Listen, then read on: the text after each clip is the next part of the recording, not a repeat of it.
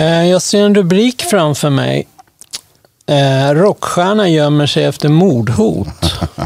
Nu får du utveckla Nu får du berätta här. Ja, ja det, det är min och, min och P.O. Thyréns, ska jag väl kanske säga. Jag ska inte skylla allt på P.O. Thyrén. Mycket var ju mig.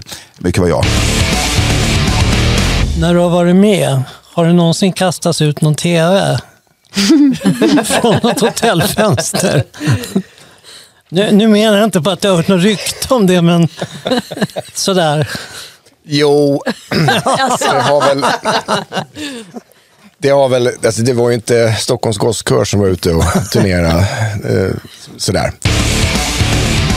De har hört att vi har vapen med oss. För vi har ju så här stora jävla casear med bas och gitarr. Då tror de att det är vapen vi har med oss. Så att vi får ju stå där och förklara. Och bara, ah, no we're in a band liksom. Och de Ja. bara, ah band? Ah, we play rock and roll. Ah rock and roll, okej, okay, okej. Okay. Så de bara, can we look inside? Bara, yes, det är lugnt liksom.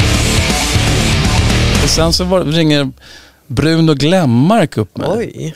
Eh, han var ju stor i businessen på då tid. och ABBA spelade in i hans studio. Ja, så det, det. var ju, det låg ju ute i Djursholm där. ABBA hade ju spelat in några plattor där.